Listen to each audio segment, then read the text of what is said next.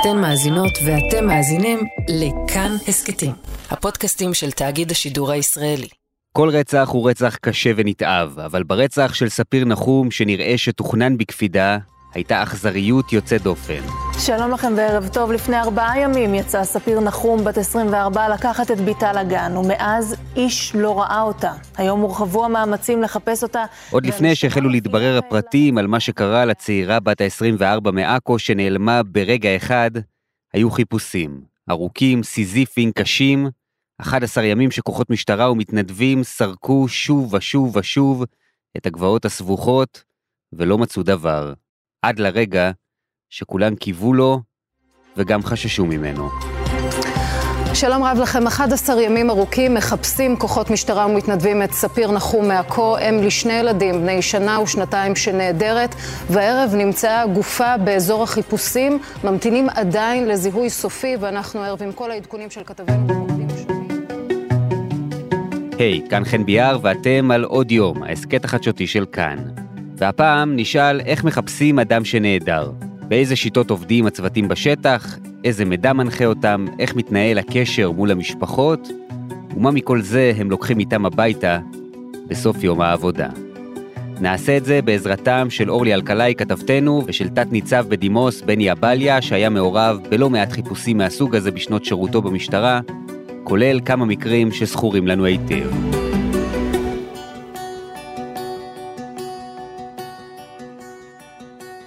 אורלי שלום. שלום חן. הפרשה הזו טריה אצלנו גם מבחינת התחושות, אבל בואי ניזכר איך הכל מתחיל. הכל מתחיל בשניים ביוני, יום חמישי. ישראל נכנסת לכוננות של סוף שבוע ארוך כזה, שבת ואז שבועות. נכון, שישי שבת, יום ראשון אה, חג שבועות. יום חמישי בבוקר, ספיר נחום יוצאת עם בתה הפעוטה בת השנתיים וחצי מהבית, לוקחת עם פיג'מה, לוקחת אותה לגן הילדים, הוא נמצא כמרחק 250 מטרים מה, מבית המשפחה. שמה את הילדה בגן, שעת בוקר, סמוך לשעה שמונה בבוקר, וחזרה הביתה. מאותו רגע חזרה הביתה, ספיר נחום נעלמת. כאילו בלעה אותה האדמה. בבית המשפחה נמצאת האימא. ספיר מתגוררת עם האימא ועם שני ילדיה של ספיר מתגוררים עם האימא. עם סוזי. האימא לא נמצאת בבית, ורק לאחר מכן שהיא חוזרת הביתה, היא מבינה שספיר איננה, והיא רוצה לחפש אותה ולהתקשר, אבל אז הטלפון בבית מצלצל. ספיר בכלל לא יצא עם הטלפון הסלולרי שלה. סמוך לשעה 11 בבוקר, מתקבלת הודעה בטלפון הסלולרי של ספיר, אה, מבן זוגה לשעבר ואבי הילדים, בוקר טוב, ממי. סוזי מסתכלת על הטלפון, והיא אומרת, טוב, אני לא אתערב, זה הטלפון של ספיר, אני לא, לא יוציא הודעה. אבל ככל שהשעות נוקפות, היא מתקשרת uh, לעדן, לבת השנייה, והיא אומרת לה, דיברת עם ספיר? את יודעת איפה ספיר? היא יצאה לשים את הילדה, היא לא חזרה, אני הגעתי. לא יכול להיות שהיא נעדרת כל כך הרבה זמן והיא לא מודיעה לנו איפה היא. גם הטלפון בבית. עדן מגיעה מיד הביתה, לבית המשפחה, והם מתחילים לחפש אחר ספיר, ועדן למי היא מתקשרת ועם מי היא יוצרת קשר. עם החברים הקרובים, לשאול אם ראו, אם שמעו, אם יודעים.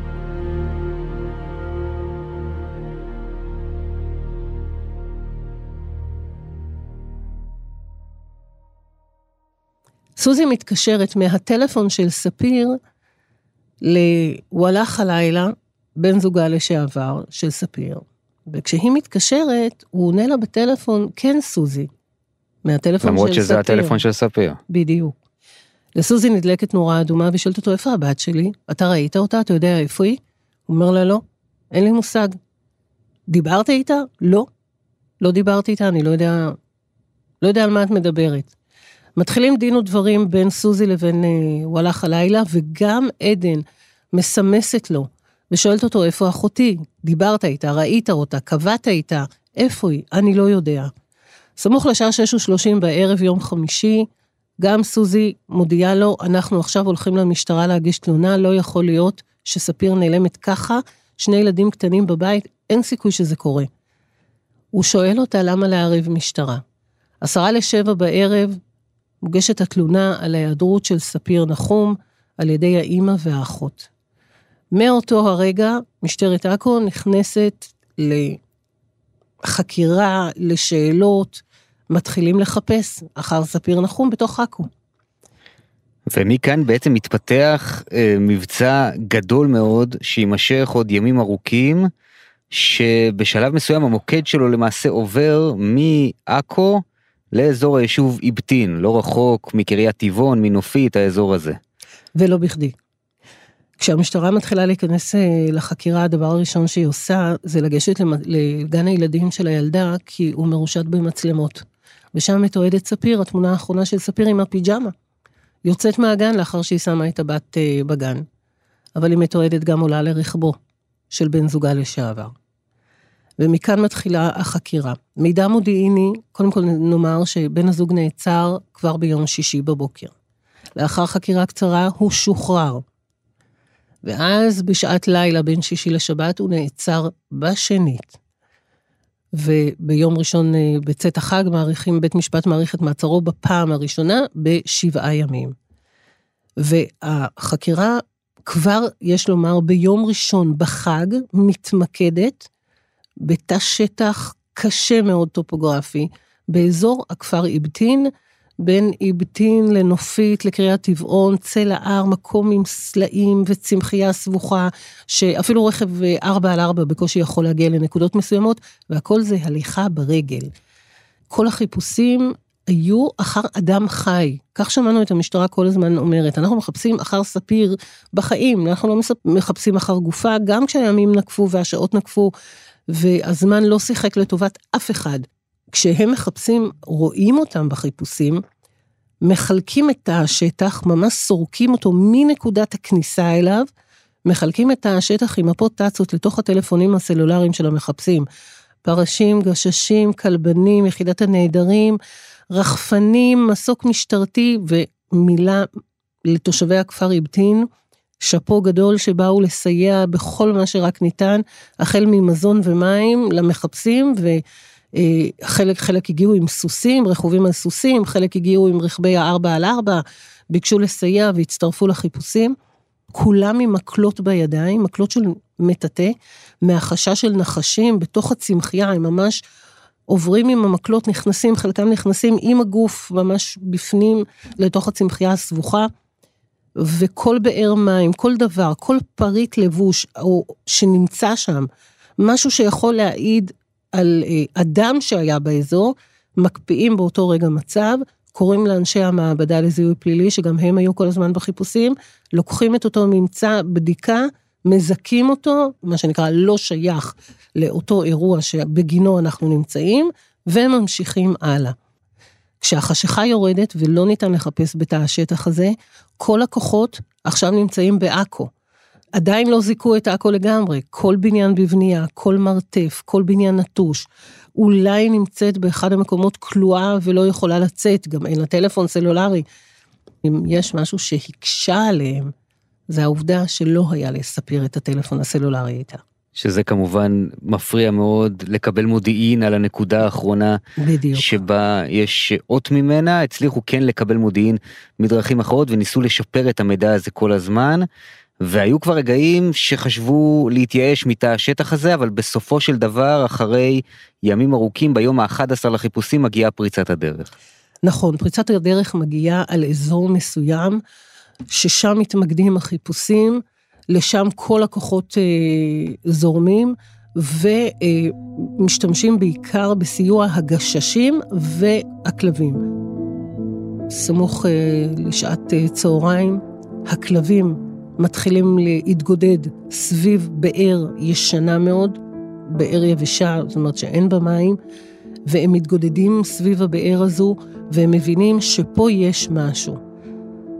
וכשהם מתחילים לעבוד שם בשטח, הם uh, מבינים שהכלבים נותנים להם את האות, ואכן מוצאים באותה באר גופה, גופת אישה, ועכשיו צריך לראות האם באמת מדובר בספיר נחום, או שמא מצאו גופת אישה של נעדרת שלא ידעו עליה בכלל.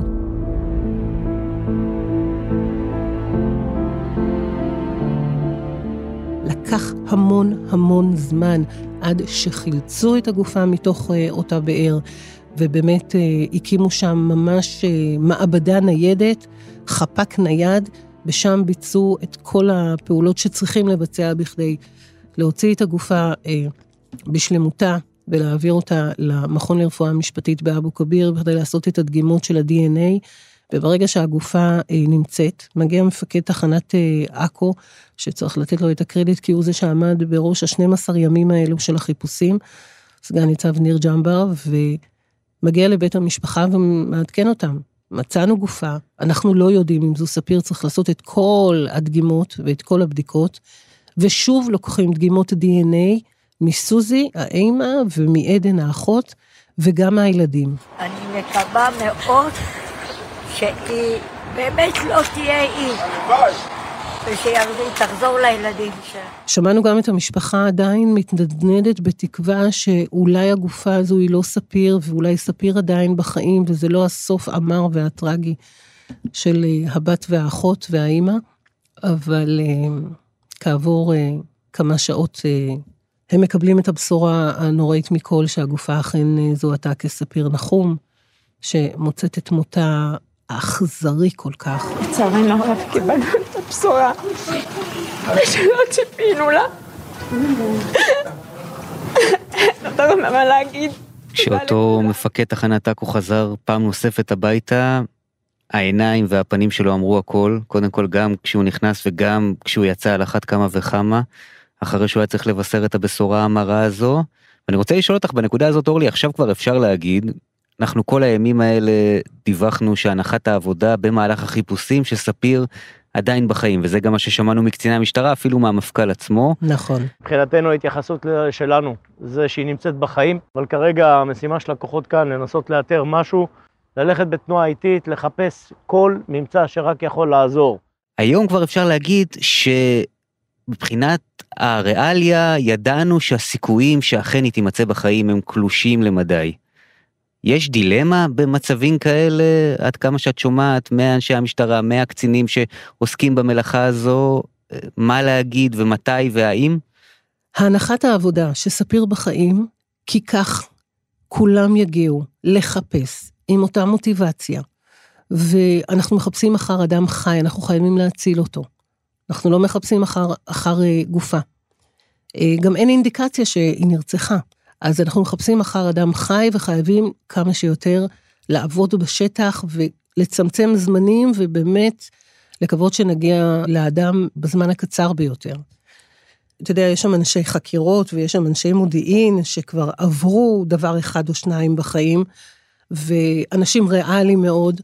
כולם ידעו, וגם המשפחה של ספיר, שמענו את עדן אה, אומרת, אה, אנחנו חוששים ככל שהימים עוברים שהיא כבר לא בחיים. ככל שעובר הזמן אנחנו באמת מתחילים לחשוב שאולי ספיר לא בחיים. ומצד שני, היא מבקשת לדבר לספיר אה, מול המצלמות ולהגיד לה, אנחנו מחפשים אחרייך. אל תדאגי, אני פה בשביל הילדים שלך עד שתחזרי.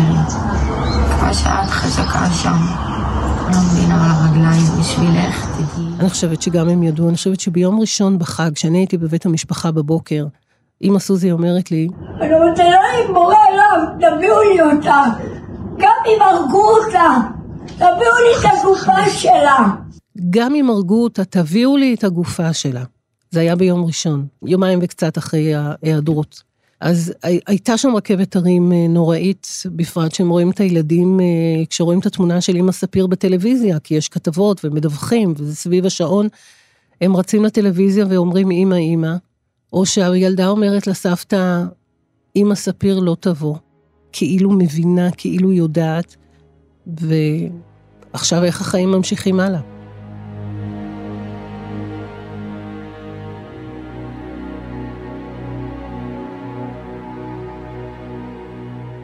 החקירה מכאן אורלי נמשכת, יש את החשוד המרכזי ויש את אחיו שנעצר בלילה שבו נמצאה הגופה, מה אנחנו יודעים לספר עליהם? הוא הלך הלילה אדם מאוד מוכר, מוכר מאוד uh, למשטרה, מוכר לשירות בתי הסוהר, מוכר uh, גם uh, לאנשי הטיקטוק. בטח שאני מצלם, זו את הליצנית. מה, את עוקבת אחריי בטיקטוק? לא כיף לך? אדם שנשא עונש מאסר במצטבר 12 שנים, על אה, מעשי אלימות, שוד מזוין, סמים, עבריין. הוא גם הסתבך בכלא הרבה פעמים, הצתת אגפים, קטטות. אה, הוא ביקש שינקו לו שליש, וההחלטה הייתה האדם האלים הזה לא יכול לצאת להיות בחברה כי הוא מסוכן לחברה, זו הייתה החלטת ועדת השליש, כי הוא ביקש. אה, סרטוני הטיקטוק שלו, שהוא מתעמר ומבזה כל סמל חוק. תראו איזה שוטרת נחמדה, משטרת ישראל עכו. כוס אוכטו שרמיס מנאייק, איו איו. הוא רואה ניידת משטרה זה קללות ו- ונאצות ו- ומדבר עם השוטרים ומגדף. נכנס לקיבוץ כפר מסריק עם חבריו ביום שבת. לקיבוץ לרמי. רמי. בפראות, על סוסים, על כרכרות, מקלל את הציבור שם. זה לא נכון, לא נצא מפה, יאללה. יאללה, טוס, טוס. קיש וואלה. אדם מאוד אלים. לא אדם, אה, אתה ראית אותו בבית משפט, אתה יודע, רכון, מכסה את פניו, אדם כן, שחושף כן, את פניו. כן, ראיתי בעיקר את הקפוצ'ון שלו, אני חייב להגיד. כן, אדם שמכסה, שמכסה את פניו, שפרצופו בטיקטוק אה, בגאווה, איך עושים לינץ' בפקח בשומר החומות בעכו, מצלם את אה, מלון הפנדי ואורי בוריס נשרף וצוחק על שירות הביטחון הכללי ועל היהודים. עד המטעם אורי בורי, יא ג'מאעה. اسمه مطعم اوري بوري هذا مطعم كثير مشهور بعكا زي ما انتم شايفين ولا شباك ساغ זה, הוא הלך הלילה, בן 34, בן זוגה של אה, ספיר, לשעבר, ואבי ילדיה, לשעבר כי השניים נפרדו והיא דרשה אה, מזונות ודרשה תביעת אבהות. אחיו, גם אסיר, 15 שנים בכלא, הוא כרגע נמצא עם אזיק אלקטרוני על רגלו, כך הוא היה בביתו, וכרגע הוא עצור. בהתחלה שמענו שבבית המשפט ביקשו קשירת קשר להיעלמותה, זה היה בהארכת המעצר הראשונה של וואלה. לאחר מכן כבר זה היה חטיפה ורציחה. ולעומת זאת לאחיו, קשירת קשר לביצוע פשע. אורלי, תודה רבה. תודה.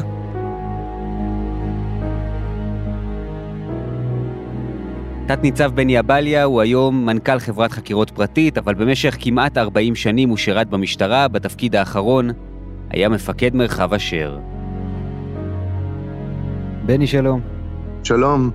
אני מניח שהיית המון פעמים בסיטואציה מהסוג הזה. מישהו, בדרך כלל בן משפחה, מגיע ומדווח על נעדר. מה קורה משם? אה, ברגע שמגיע מישהו לדווח על נעדר, אנחנו קודם כל בודקים מי זה הנעדר, וכמובן מי זה בן המשפחה שבא להודיע. אה, בדרך כלל אה, גובים עדות אה, ראשונית ומפיצים לניידות אה, את ההודעה בדבר אה, קבלת הודעה על נעדר. באמצעים שיש בניידות, בלפטופים, בכל האמצעים שיש לשוטרים, אנחנו גם מפיצים את התמונה של אה, אותו נעדר, ולמעשה אה, מתחילים אה, בבדיקה בעיקר מיהו הנעדר, האם מדובר בחולה, בתשוש נפש, באנשים דימנטיים, בעל עבר קודם של ניסיונות התאבדות, אה, אנשי כוחות הביטחון, אנשים בסיכון, מתחילים לבדוק, ולפי זה אנחנו נותנים את אה, דרגת הקדימות של הטיפול אה, באירוע. ככל שיש מצב שאנחנו מתחילים לדאוג מאוד לאותו נעדר, אז אני מדבר איתך על עניינים של אה, חצי שעה עד שעה, אנחנו מתחילים להקים את המערכים אה, האגמיים והחקירתיים. האגמיים זה כל מה שראיתם, אה, אני מניח, גם באירוע הטרגי האחרון אה, עם הנעדרת מעכו, זה כל האנשים שמחפשים, אה, שוטרים, המתנדבים, האמצעים שהופעלו, מסוק, רחפנים, והחקירתיים זה ממש אותו צוות חקירה שמתחיל לחקור את המעגל הקרוב והרחוק יותר של אותו נעדר או נעדרת כדי לדעת פרטים שיכולים לגרום לכך שהבן אדם ייעלם. מה הדברים שהכי חשוב לך לדעת בסיטואציה הזאת, שאתה כחוקר קודם כל מנסה לברר אותם? אני בודק דבר ראשון אה, אם יש ברשותו אה, אמצעים אה, תקשורתיים כמו פלאפון, זה מקל עלינו את האיכון שלו. אני בודק, כמו במקרה האחרון, איך אישה שנעדרת מהבית השאירה שני ילדים קטנטנים, מי יטפל בהם, למה זה קורה. אני בודק אם הבן אדם אה, חולה, היו לנו מקרים שאנשים דימנטים לפעמים יוצאים מהבית או, או נעלמים למשגיח שלהם ומתחילים ללכת וללכת וללכת, הם לא יודעים לאן הם הולכים כמובן, אה, שם זה מכניס אותנו למתח מאוד אה, גדול, אנחנו מפעילים את מירב האמצעים. היו לנו הרבה מקרים שמצאנו את אותם אנשים, גם במצב של תשישות והפנינו אותם דחוף לבית החולים, ולצערנו היו לנו גם מקרים שמצאנו אותם ללא רוח חיים בכלל במקומות שלא ציפינו בכלל שאנשים יגיעו אליהם. במידה ואותו נעדר או נעדרת יש להם קשר לפשיעה חמורה, יש לנו מקרים של אנשים שהם גם עבריינים, שאנחנו יודעים שיש עליהם איומים מקבוצות משפחות פשע אחרות, אז אנחנו גם כן מתחילים בחקירה ומתחילים לבדוק ולחקור את האנשים ולראות לאן הבן אדם הזה היה יכול ללכת. יש אנשים שבאים ומדווחים שבן אדם מסוים רוצה קצת לנקות את הראש, אוהב להתבודד לדוגמה בחופי הים. אוקיי? אז אנחנו מרכזים את החיפושים אה, בחופי הים. חלק אוהבים לשבת ביערות, אנחנו מרכזים את זה שם. היה לנו מקרה שחיפשנו בן אדם, והוא אהב אה, להסתתר ביערות באזור הגליל ולהיות בקברי צדיקים. בזבזנו עליו במרכאות אה, שבוע וחצי של עבודה, הוא לטעמי, הוא חסר אחריות, שאפילו לא הודיע למישהו שאני הולך קצת להתבודד במקום. אמצעים רבים מאוד אה, הופעלו, ובסוף מצאנו אותו, הכל היה בסדר איתו. בנקודה הזאת אני מניח שיש גם מתח מסוים, כי מגיעים בני המשפחה והם כמובן חוששים, וקציני המשטרה תמיד ידיהם עמוסות עבודה, והמשאבים גם הם תמיד מוגבלים. איך יודעים מתי זה משהו שהוא אמיתי ודורש את הטיפול הדחוף, ומתי אולי יש כאן עניין של אדם ש... הלך, שרצה, אתה יודע מה, אולי אפילו יש אנשים ששמים קץ לחייהם וגם עושים את זה בצורה שהם אה, מעדיפים שלא ימצאו אותם, איך אתה יודע להבחין בין המקרים? תראה, ככל שעוברות השנים ואתה מתעסק בדברים האלה, אתה מבחין בין המקרים האלה, אבל זה כבר לא נקודה מרכזית בהאם תשקיע או לא תשקיע. אה, אוקיי, פעם אה, אה, היה נוהל של חיפוש נעדרים, אני מדבר איתך על לפני שנים רבות, של אוקיי, הודעת על נעדר, אם הוא לא בסיכון, אין משהו מאוד שמדליק מנורה אדומה, אנחנו נמתין 48 שעות. רק אחרי 48 שעות אנחנו נתחיל לבדוק, לראות לאן הבן אדם הזה, מה קרה איתו. יכול להיות שב-48 שעות האלה הוא גם חוזר. הנוהל הזה כבר לא קיים. מבחינתנו, כל נעדר הוא נעדר לטיפול מיידי. לא משנה מי הוא ולא משנה מה הוא. כמובן המצב שהוא נמצא בו, כפי שנתתי דוגמאות לחולים, אנשים עם ניסיונות התאבדות קודמים, מכניס אותנו למוד של עבודה מאוד מאוד uh, מהירה. אבל uh, אין מצב שכאילו, אני יכול לחשוב לדוגמה שבן אדם החליט להיעדר כי, כי בא לו, אבל אין מצב שאנחנו מורידים רגל מהגז uh, בדברים האלה. ככל שעוברות השעות וככל שאנחנו מתחקרים יותר את בני המשפחה וחברים, יכול להיות שהחשש לזה שה, שהוא נפגע או שהוא לא בחיים טיפה יורד, אבל זה לא מה שמוריד מאיתנו את הפעילות שאנחנו עושים בשטח.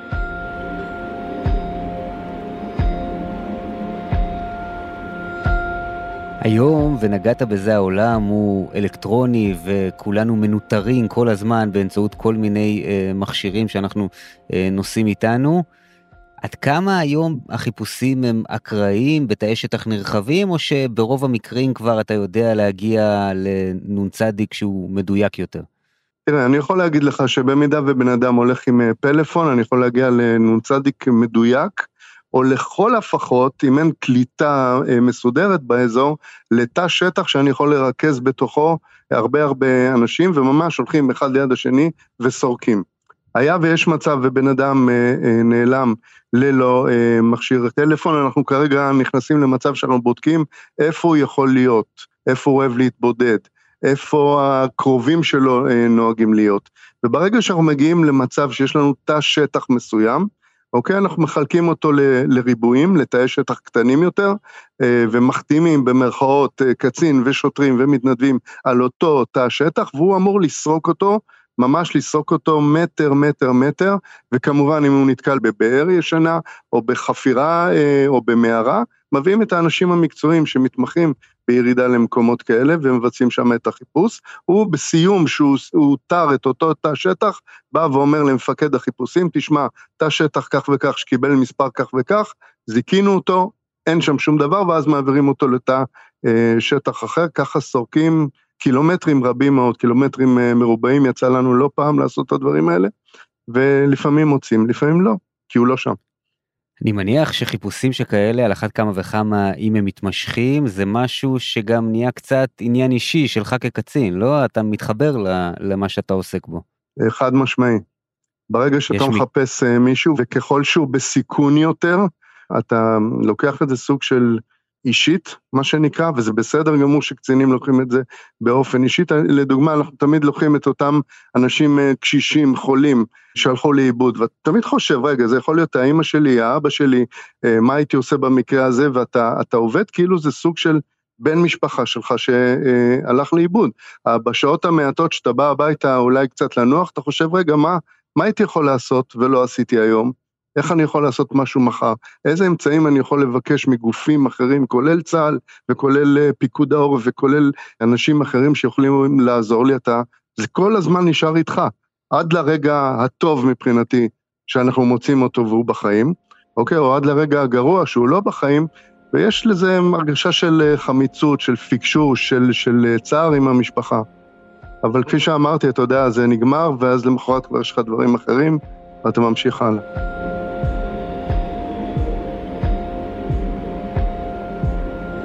קח אותי לאיזשהו מקרה שנחרט אה, באופן מיוחד בזיכרון שלך. אני עוד זוכר שהייתי בתחנת חיפה, היה לנו את החייל הנהדר מג'די חלבי. כבר שבוע לא שמעה משפחת חלבי מילה אחת מהבן. מג'די החייל יצא מביתו בדאלית אל כרמל, ומאז נעלם, בצבא חוקרים, ומשפחתו אומרים, נסלח לך על הכל, רק תחזור. שגם הייתי אחראי על החקירה בהתחלה.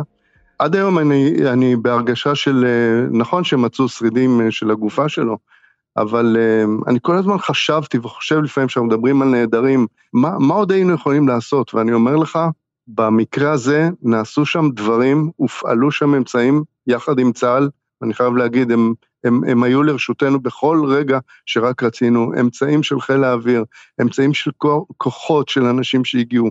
מג'די מאז שחזר לבסיסו ב-24 למאי, בדרך לבסיסו, עד עכשיו אין לנו שום מידע שום דבר חדש. וסרקנו, ומדובר ביערות, כן, הכרמל זה יערות, ואתה בסוף, אחרי כמה שנים שמוצאים אה, שרידי אה, גופה, שגם היית שם, ואתה לא יודע איך השרידים האלה הגיעו לשם, אתה יכול רק לשער. ערב טוב ושלום רב לכם, סוף עצוב כאמור לפרשת החייל הנעדר מג'די חלבי. אחרי שבע שנים וחצי של היעדרות נמצאה גופתו לא רחוק מביתו ביער בעוספיא. סימני השאלה בדבר נסיבות מותו. אז אה, זה סוג שהם, כאילו, אתה כל הזמן חושב עליו. גם כשאנחנו מדברים על נעדרים, עושים שיעורים על שבויים, מעלים uh, מקרים uh, כאלה. היה לנו גם מקרה של אימא של ידוען, שגם כן יצא מחיפה. יש לנו גברת, היא בת 91, היא נעדרת כבר שלושה ימים היום. היא אוהבת להסתובב בים, היא עצמאית בדרך כלל. גם כן עם דימנציה ולא הייתה בקו הבריאות. לא מצאנו אותה, וישיבות יומיומיות, ולראות אה, לאן היא יכולה ללכת, ולסרוק רחובות, ולפתוח אה, פתחים של אה, ביוב, ולפתוח, אה, ללכת לאתרי בנייה, ולסרוק ולסרוק תאי שטח, ומגדילים ככל הניתן תאי שטח, וזה מאוד קשה לסרוק תאי שטח בחיפה, ולצערי למצוא אותה אחרי כמה ימים אה, ללא רוח חיים במקום בכלל שאף אחד לא חשב שהיא יכולה להגיע לשם. ליד חוות סוסים, בלב איזה שדה באזור חליסה בחיפה, הגופה במצב היה ריקבון מתקדם. הרגע הזה שאתה בא ומבשר לבני המשפחה, שלצערנו לא הצלחנו למצוא את האדם בחיים, זה רגע שנשאר איתך, זה, זה כואב.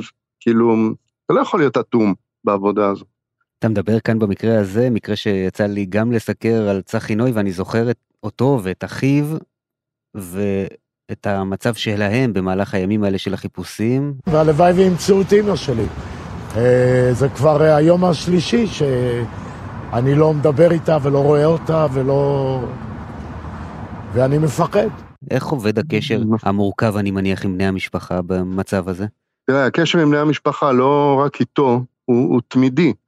אתה במקביל לכך שאתה חי, אה, חייב לעשות את כל המאמצים לחפש את הנעדר, אתה חייב להיות בקשר תמידי כמה פעמים ביום, אפילו כל שעה עם בני המשפחה, כדי לעדכן אותם מה קורה.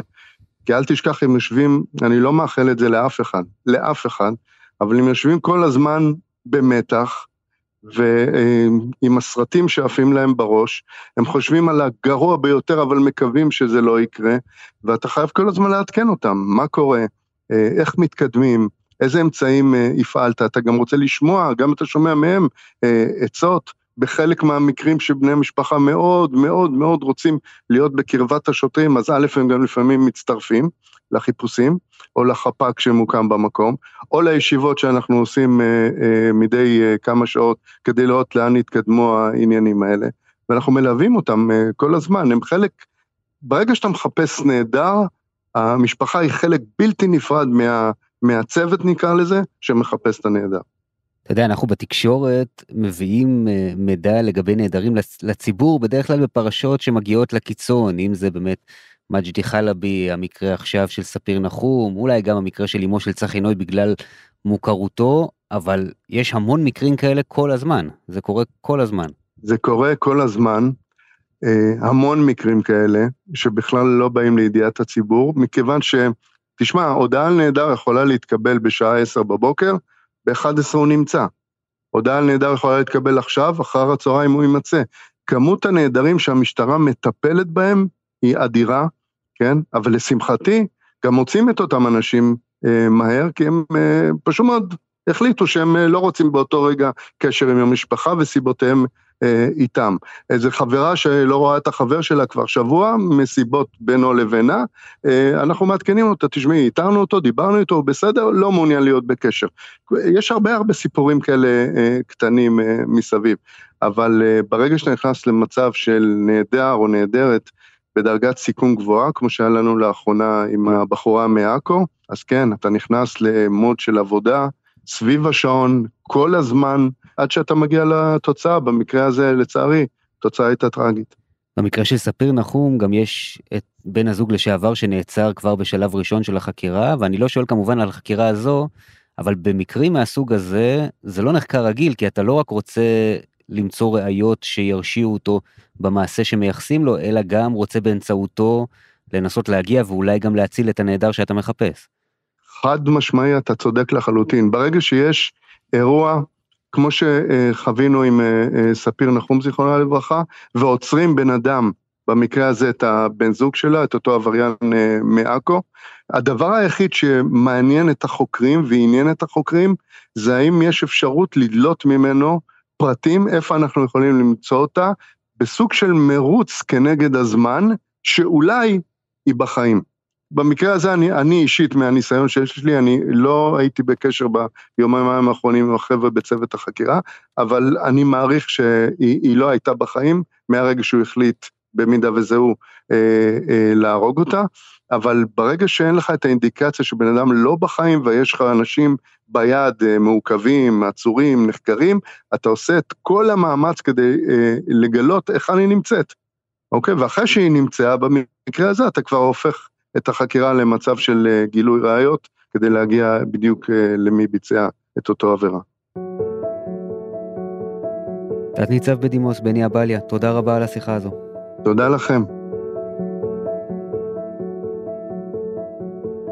עד כאן הפרק הזה של עוד יום. האורחים הם דניאל אופיר ויותם רוזנבלד, רחל רפאלי על עיצוב הקול והמיקס, ביצוע טכני שמעון דוקרקר ומשה מושקוביץ, ותודה גם למירב קדוש. אם אהבתם, אתם יכולים לשתף את הפרק, ואם אתם מאזינים לנו בספוטיפיי או באפל פודקאסט, אז אתם יכולים גם להגדיל לעשות ולדרג אותנו. אם יש לכם הערות על מה שאמרנו כאן, אפשר לדבר איתנו בקבוצת כאן הסכתים בפייסבוק, ואפשר לכתוב גם אליי באופן אישי, חן ביאר, בפייסבוק או בטוויטר. פרקים חדשים של עוד יום עולים בימים ראשון, שלישי וחמישי, הם וגם ההסכתים האחרים מבית כאן, זמינים לכם בכל אפליקציות הפודקאסטים וגם באתר שלנו. אני חן ביאר, נשתמע בפעם הבאה.